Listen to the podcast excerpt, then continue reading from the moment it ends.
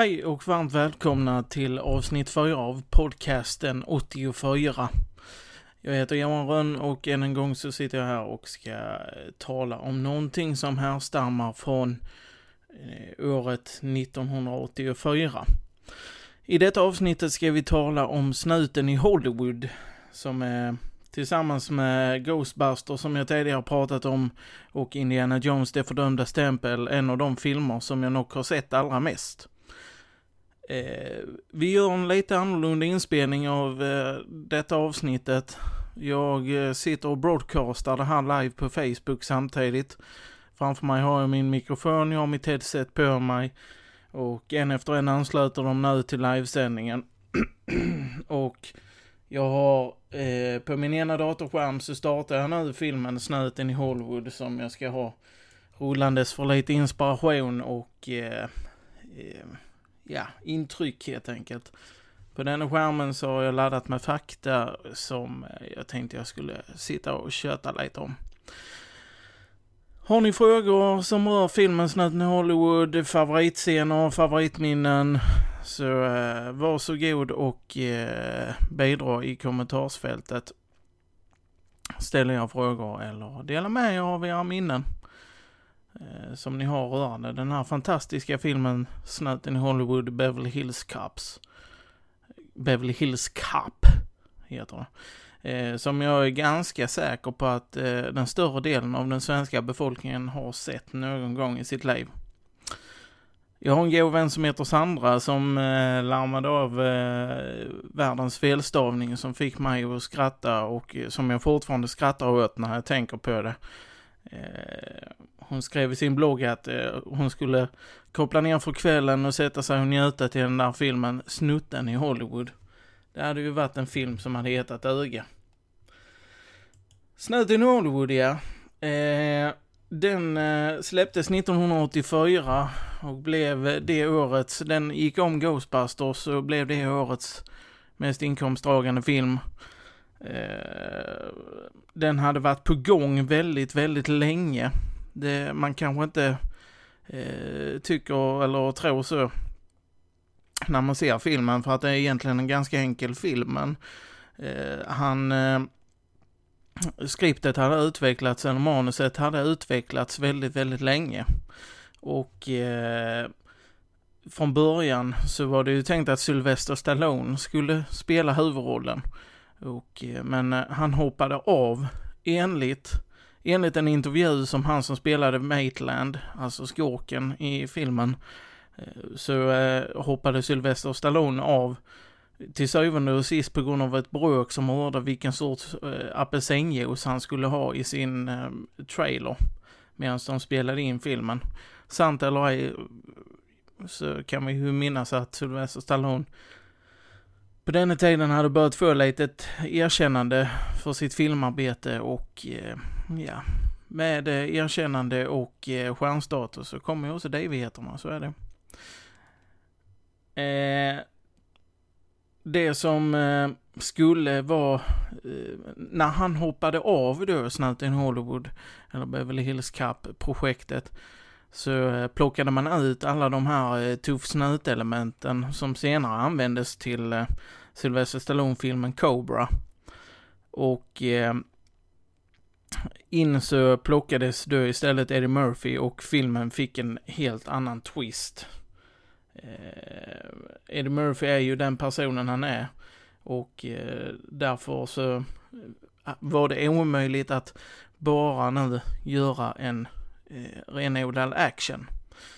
Eh,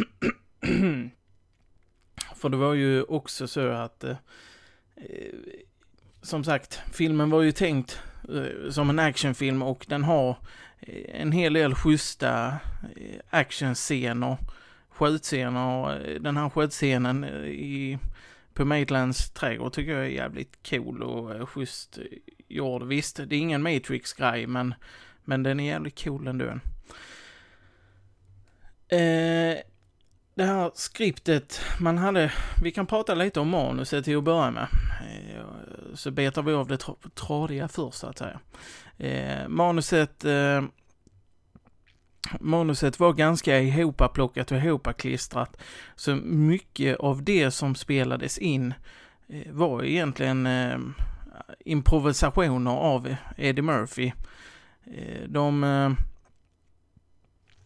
det var ju mycket som sagt eh, klipp och klistrat och eh, de fick inte ihop det alla gånger men eh, tack vare den här eh, komikerns talanger så gick det väl att få ihop det till sist. var han improviserade som sagt mycket på scen, eller på inspelningsplatsen så hade Eddie sin eh, bror och vapendragare Charlie Murphy.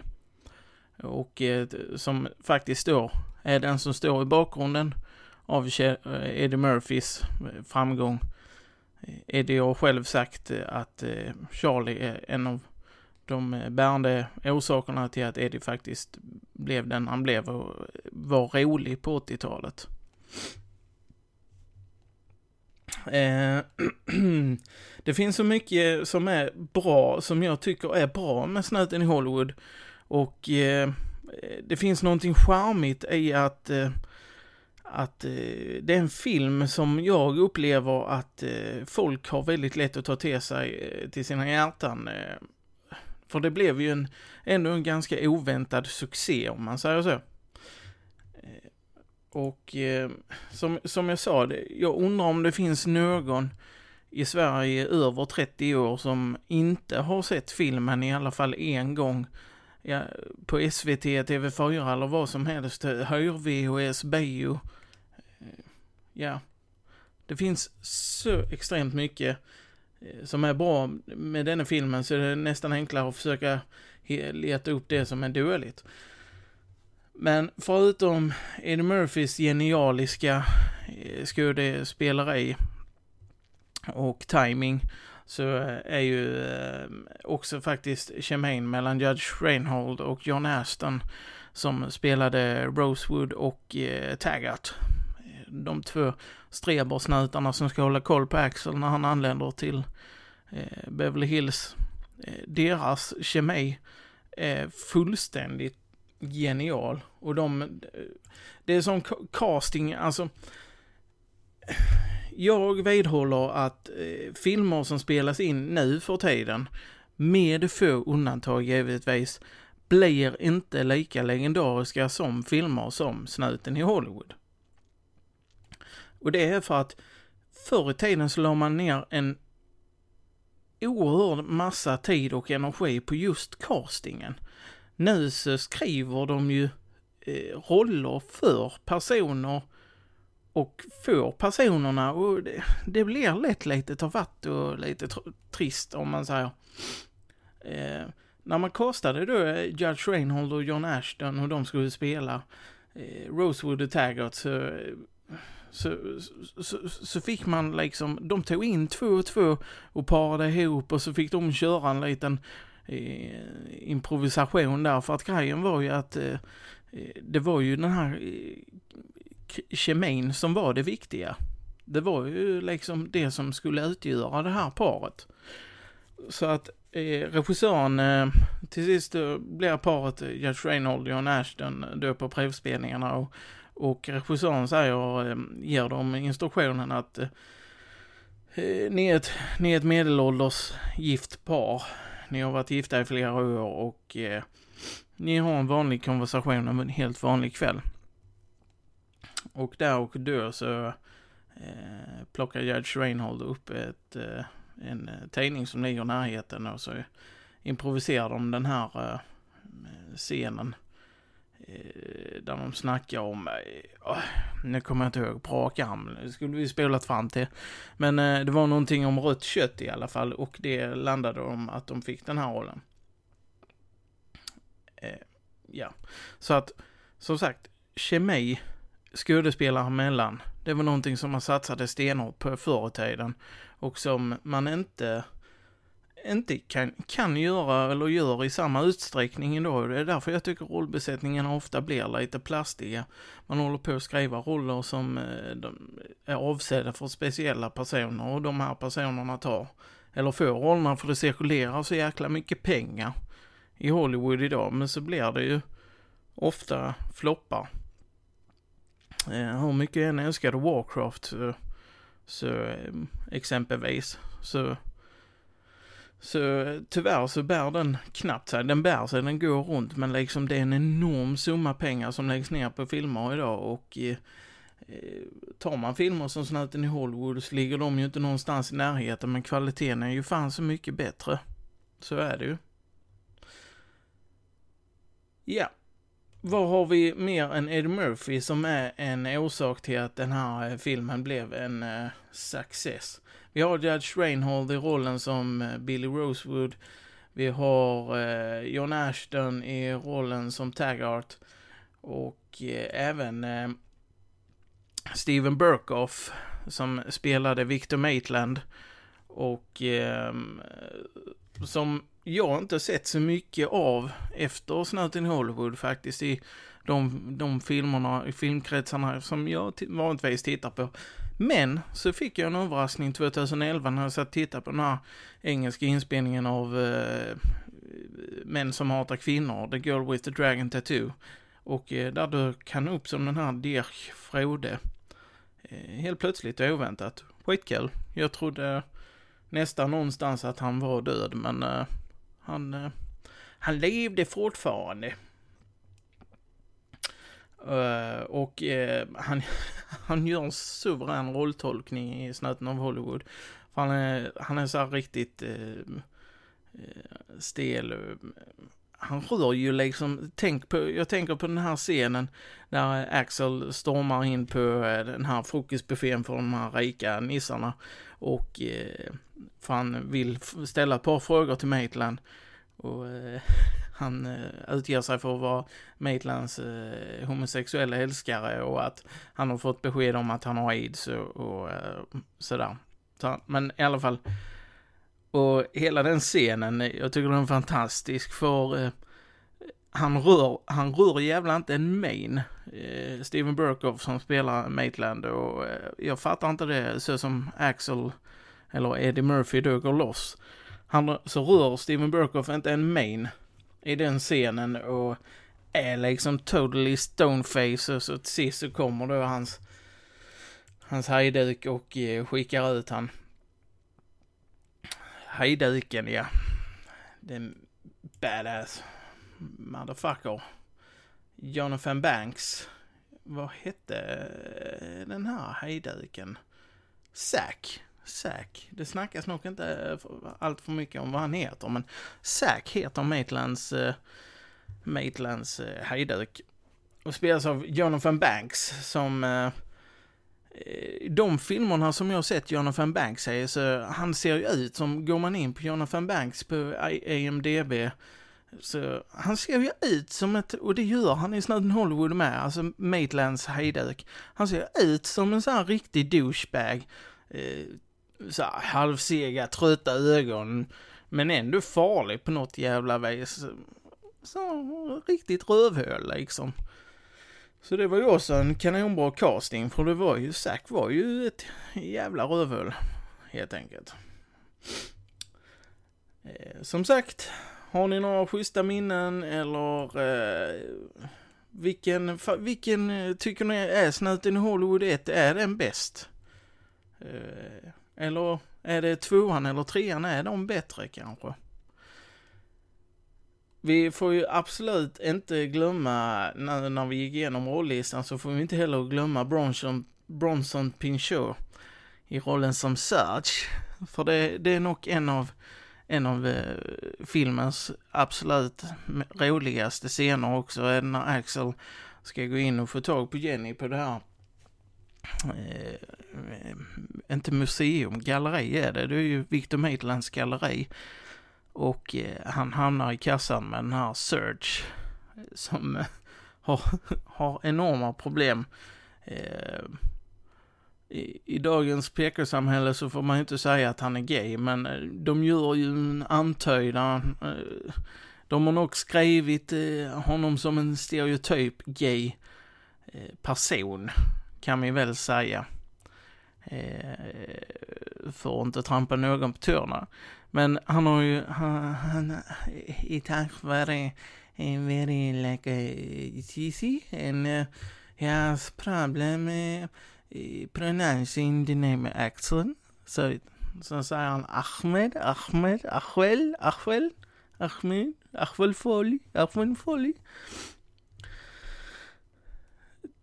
Just nu som eh, jag spelar in det här, eh, spelar in det här eh, podcasten som jag eh, gör på ett annorlunda sätt idag genom att broadcasta det live så får jag en, eh, en kommentar här där en eh, god vän till mig, Torbjörn Bergman, berättar att ettan är coolt och det håller jag givetvis med om.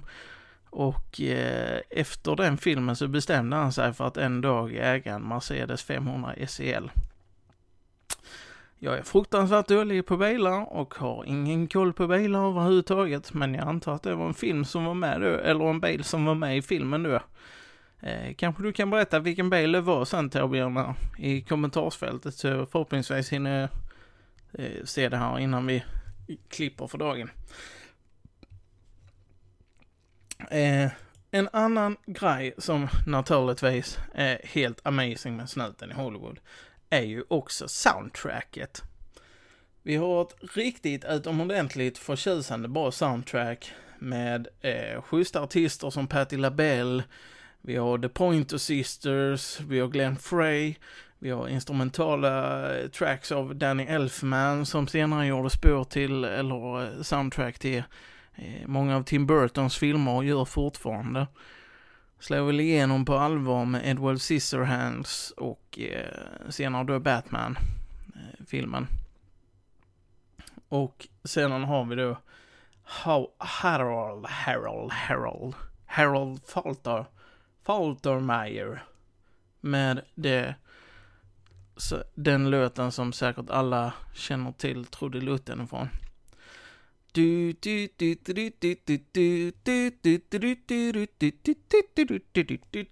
Okej, det var inte riktigt sådär. Jag är inte tondöv, men... Jo, nästan. Nej, jag, jag vet inte. Det var inte riktigt spot on, men alla känner igen den och kan förnimma sig till vilken det är jag tänker på. Ax, låten som de kallade för Axel F från början så var den låten bara, de kallade den för The Banana Theme.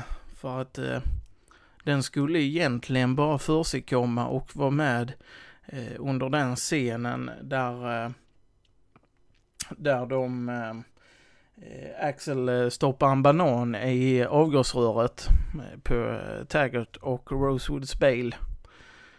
Eh, men man insåg väl snabbt den här potentialen eh, i låten och Eh, det, det är fantastiskt. Eh, hon, så här, det visar ju en av förtjusningarna med musik tycker jag att man kan eh, ta en, en liten, ett litet stycke liksom,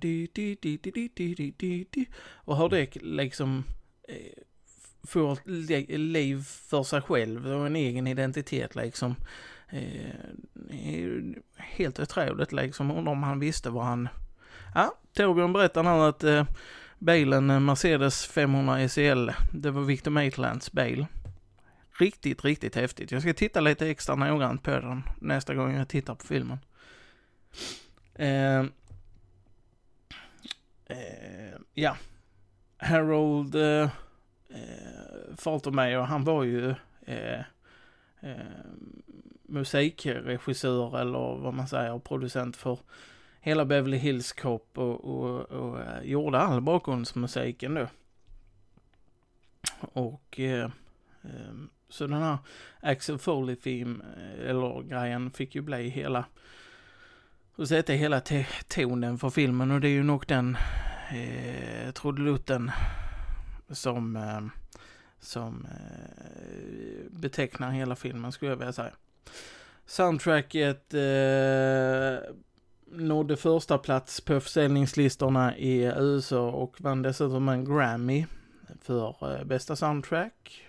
Och eh, den här låten den eh, har ju figurerat flera gånger i alla möjliga olika sorters tv-serier, Simpsons, Family Guy, Vänner, eh, alla möjliga. Den dyker upp i Monsters vs Aliens för er som gillar barnfilmer eller, eller småbarn och har kollat på den här eh, Monsters vs Aliens så, så dyker den upp helt plötsligt på ett ställe som är rätt, rätt oväntat men roligt. Och de andra låtarna som eh, exempelvis Pointer Sisters, Neutron Dance. Har ni Spotify igång eller uppe på telefonen så gå in och, och sök upp Neutron Dance eller Pointer Sisters. Letar jag fram till eh, Snuten Hollywood soundtracket och sett på den. Den, den tycker jag är en riktigt schysst catchy eh, ton med ett bra beat. Och eh, även eh, även Glenn Frey-låten The Heat Is On som eh, han faktiskt skrev tillsammans med Harold, Harold Faltermeyer som eh, gjorde all musiken till filmen. Snuten Hollywood Snuten Hollywood, vad kan vi mer säga om den? Eh, den eh, nominerades till en Oscar för eh, bästa, bästa skript, manuskript, men ehm, tog inte hem vinsten. Det vet jag inte riktigt. Vem som gjorde. Skulle jag kunna kolla upp men det har jag inte gjort. Och eh, sen om man tittar lite så, som sagt den vann eh, lite Grammys och People's Choice Awards. Eh, People, den vann People's Choice, People's Choice Award för favoritfilm. Men eh, annars är det mest, eh, tyvärr, så är det ju mest eh, eh priser för soundtracket som den har vunnit. Vilket är synd, men eh, som min kompis Alex sa en gång att eh, filmer måste ju vara eh, typ sjunde inseglet eh, och man kan knappt förstå dem för att de ska kunna kunna dra hem något sånt jävla fjunigt pris. Eh, filmen hade en budget på 14 miljoner dollar om vi ska rabbla lite siffror så kan vi ju ta det här som exempel då. Jag tror att eh, exempelvis filmen Warcraft eh, för att ta ett exempel, hade en budget på 230 miljoner dollar. Och den har väl eh, spelat in ganska mycket break-even just nu, eh, eh någonstans runt 300 miljoner dollar för det är ju lite pengar för marknadsföring och sånt också som kostar mer än bara att producera själva filmen. Men ta då, ja, nu är detta en bunke år sedan också naturligtvis. Men eh, eh tar man då och sätter i jämförelse så hade eh, Snuten Hollywood en budget på 14 miljoner. Alltså knappt, eh, vad blir det? 10, knappt, eh, ja lite mer än 5 procent av eh, vad Warcraft-filmen eh, kostade.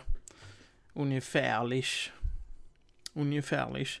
Men, eh, eh, och eh, nu, nu var det som sagt 1984, men det kommer ändå inte upp i dagens eh, valör så kommer det inte upp i sådana här fantasisummor. Men i alla fall, den kostade 14 miljoner dollar att spela in, hade den en budget på och den spelade in eh, fantastiska 234 miljoner. Så tänk, man, filmbolaget har liksom lagt 14 miljoner dollar, vilket i sig är ganska mycket pengar 1984. Och sen så gör de en vinst på 220 miljoner dollar. Det är helt otroligt. Men det är ju som sagt, de här riktigt bra dramafilmerna och de här som har en riktigt bra story, eh, Snuten Hollywood. Om Snuten Hollywood har en bra, bra story, det vet jag väl kanske inte, men men den har, den har en story som inte är så avancerad, som inte är så svår att spela in. Och det är ju det som är, man kan ha hur mycket specialeffekter som man vill och hur mycket kluddomambo, jambo och musik och det ena med det tredje, men har man inte en bra eh, film, en bra, bra skåd, antingen en bra story eller skådisar som är bra nog till att bära filmen, så, så har du fan i mig ingenting. För jag menar, kolla på filmer som Battlefield Earth med John Travolta. John Travolta är en bra skådis, men det där var fan ingen bra film. Man hade hur mycket specialeffekter som helst. Men jag lovar, det är en film som, jag tror den är en timme och 45 minuter lång. Och det var en timme och 45 minuter då jag satt och verkligen ville skjuta mig själv i huvudet. Men jag tänkte jag ska genomleda den här filmen för kunna skryta eller kanske det blir någonting bra i slutet liksom. Men det var då fan ingen bra film trots att den hade en enorm budget och John Travolta i eh, huvudrollen. Så att, eh, nej, nej, nej, nej, nej. Nej, nej, nej. Eh, vad har vi mer som vi kan prata om gällande snuten i Hollywood? Det, måste, det finns ju så himla mycket som man vet inte vad man ska greppa efter ibland. Eh, Ehm, vi har den här... Eh, eh den... Eh, den här eh, kommissarien, eller han han eh, polischefen, den här gamle gubben med, med brillorna som kommer in där med Rosemont, det var, han kallar Rosewood för Rosemont och det var eh, oavsiktligt. För att eh, det berodde helt och hållet på att eh, snubben hade väl taskig syn, åldern till kommen och eh, läste fel i manuset och därför kallar han Rosewood för Rosemont. Och eh, därför blev det så, men det blev ju jäkligt roligt. Eh, där finns en, där finns en scen i filmen som jag gillar särskilt mycket. Eh, förutom den här mm, banana-scenen, eller när han stoppar banan i avgasrören. Eh, Eh, och strippklubben. Strippklubbscenen är också en jäkla höjdare. Men ännu mer höjdare är när filmen når sin kulmen, tycker jag.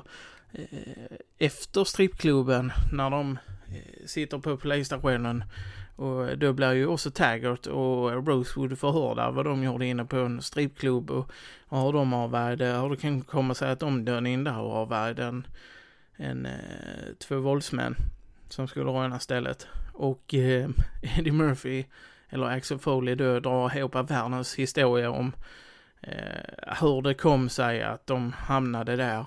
Och att eh, Rosewood och eh, Taggart borde bli, helt fria för det här för att de är minsann, eh, jag kommer inte ihåg exakt vad han säger, men, men det, de, de här två killarna, de kan man inte kalla för annat än Supercops.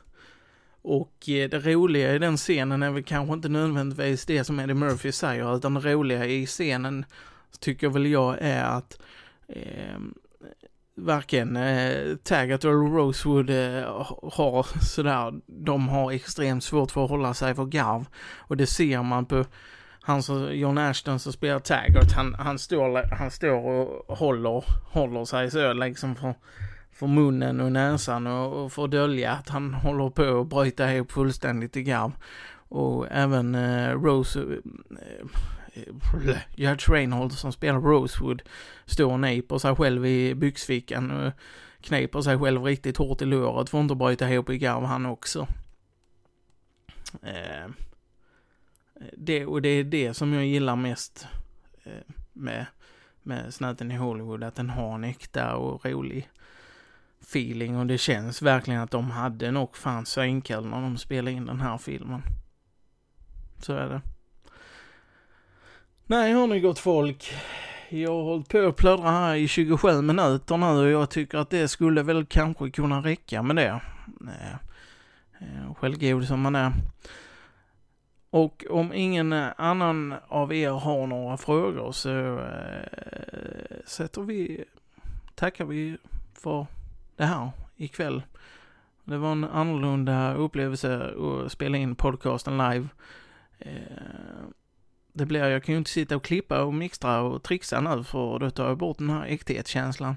Så eh, när ni, ni som lyssnar på det här så hoppas jag att ni har stått ut med mina och mina mm, och mina och sådär. Eh, jag... Ehm, där kom det igen. Som sagt, när man spelar in en podcast och redigerar så kan man fuska och klippa och trixa och greja och ta bort eh, snåläten och, och nöjsningar och sådär. Men nu har jag ju fått koncentrera mig på det hårdaste för att, att hålla samman det här. Eh, så att eh, Eh, som sagt, jag tackar ni som har varit med och tittat live. Tackar för visat intresse och eh, du som har laddat ner och lyssnat på podden tackar jag också. Vi eh, ses snart igen. Jag har redan dragit eh, ämnet för nästa eh, podcast. För att jag kunde, jag har så mycket sladdar och grejer på skrivbordet här så jag kunde inte ha min låda med ämnen där jag låter fram nästa avsnittsämne. Eh, och eh, det blir en musik, vi ska prata om en skiva som kommer från ja, givetvis 1984. Nästa avsnitt kommer när det kommer och det handlar alltså om en skiva. Vi får väl se vilken. Stort tack, stort tack och hej leverpastej.